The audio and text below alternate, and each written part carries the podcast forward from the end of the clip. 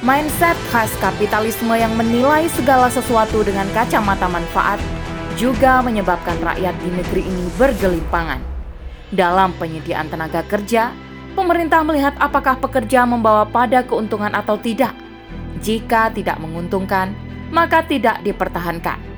Jamak diketahui bahwa selama ini pegawai honorer digaji dengan dana dari APBN atau APBD jika kebijakan penghapusan honorer diterapkan, maka tidak ada lagi APBD yang dialokasikan untuk gaji honorer. Selengkapnya, tetap di podcast Narasi Pos Media. Narasi Pos, cerdas dalam literasi media, bijak menangkap peristiwa kunci. Bersama saya Dewi Nasjak, inilah rubrik opini dengan judul Penghapusan Honorer Solusikah oleh Fatimah AS.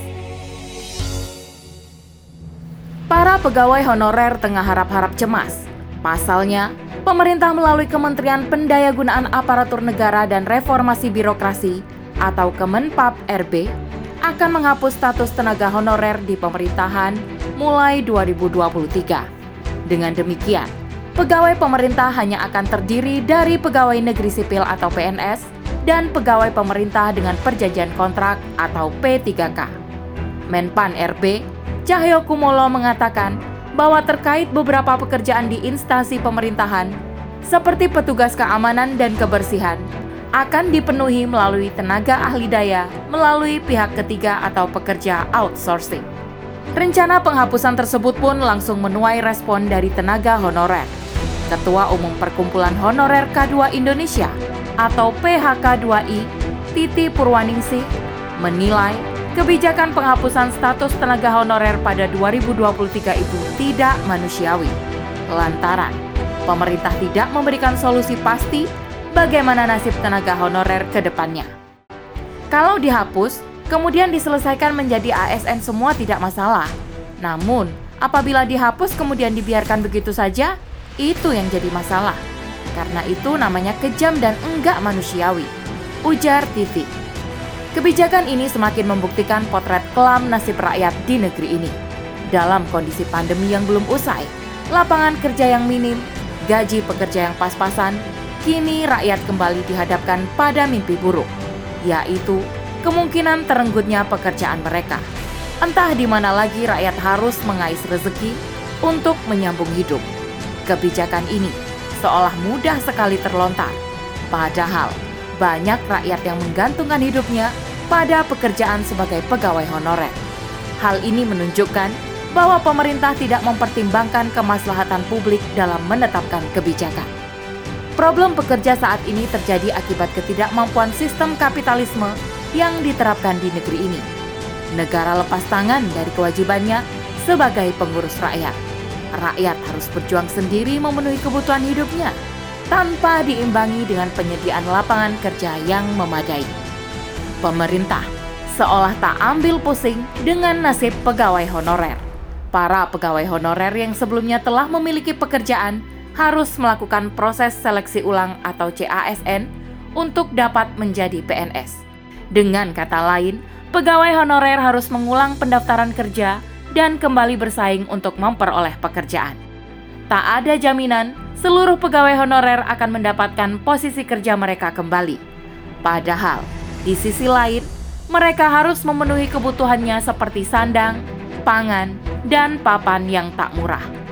Mindset khas kapitalis yang menilai segala sesuatu dengan kacamata manfaat juga menyebabkan rakyat di negeri ini bergelimpangan.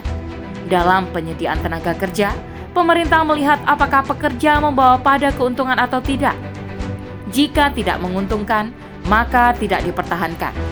Jamak diketahui bahwa selama ini pegawai honorer digaji dengan dana dari APBN atau APBD.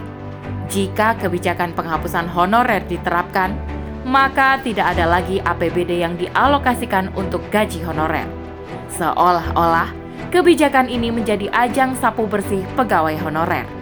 Hal ini berbeda jauh dengan negara yang menerapkan sistem Islam negara yang akan berperan sebagai pengurus dan pemelihara rakyatnya. Hal ini karena pemimpin memahami sabda Rasulullah Shallallahu Alaihi Wasallam, imam atau khalifah adalah pemelihara dan pengatur urusan rakyatnya dan ia akan dimintai pertanggungjawaban terhadap rakyatnya. Hadis riwayat Bukhari Muslim. Negara akan menjamin pemenuhan kebutuhan pokok warganya berupa pendidikan, kesehatan, dan keamanan. Ini semua dipenuhi negara karena ini merupakan hak setiap rakyatnya tanpa terkecuali. Sementara terkait pemenuhan kebutuhan pokok berupa sandang, pangan, dan papan, negara memenuhinya dengan jalan menciptakan kondisi yang dapat menjamin terpenuhinya kebutuhan tersebut. Negara akan menerapkan berbagai mekanisme untuk mempermudah rakyat untuk memperoleh pekerjaan, sehingga problem yang dialami pekerja yaitu kebingungan mencari lapangan pekerjaan tidak akan terjadi. Negara akan mendorong masyarakat untuk memulai aktivitas ekonomi dengan menciptakan iklim usaha yang kondusif, mulai dari penyediaan informasi, infrastruktur, dan sebagainya. Negara juga akan menyediakan lapangan kerja yang melimpah, khususnya bagi laki-laki yang wajib bekerja untuk memenuhi nafkah keluarganya. Dengan pembagian kepemilikan harta yang khas, negara yang menerapkan sistem Islam akan mengelola sumber daya alam sehingga memicu adanya industri-industri yang mampu menyerap tenaga kerja. Negara juga mengembangkan sistem birokrasi dan administrasi yang membutuhkan pegawai negara seperti PNS atau ASN untuk mengurusi urusan rakyat. Setiap warga negara, baik laki-laki atau perempuan, muslim maupun non-muslim, boleh untuk menjadi PNS. Selain itu, negara juga memberi pekerjaan bagi orang yang mampu menghidupkan tanah yang tidak produktif. Tidak hanya itu, negara juga akan memberikan subsidi tunai tanpa kompensasi bagi orang yang tidak mampu. Subsidi akan diberikan oleh negara dalam jumlah yang cukup besar, sehingga cukup untuk memulai bisnis, tidak hanya untuk konsumsi saja. Negara akan benar-benar memfasilitasi rakyatnya agar dapat memenuhi kebutuhan pokok mereka. Semua kebijakan yang berpihak pada rakyat dalam hal ini adalah para pekerja hanya dapat terwujud jika diterapkan sistem ekonomi Islam dalam bingkai khilafah. Khilafah telah terbukti mampu membawa pada kesejahteraan bagi rakyatnya selama kurang lebih 13 abad. Penerapan kembali Islam dalam sistem kehidupan insya Allah akan membawa berkah bagi kehidupan dunia dan akhirat. Wallahu a'lam bisawab.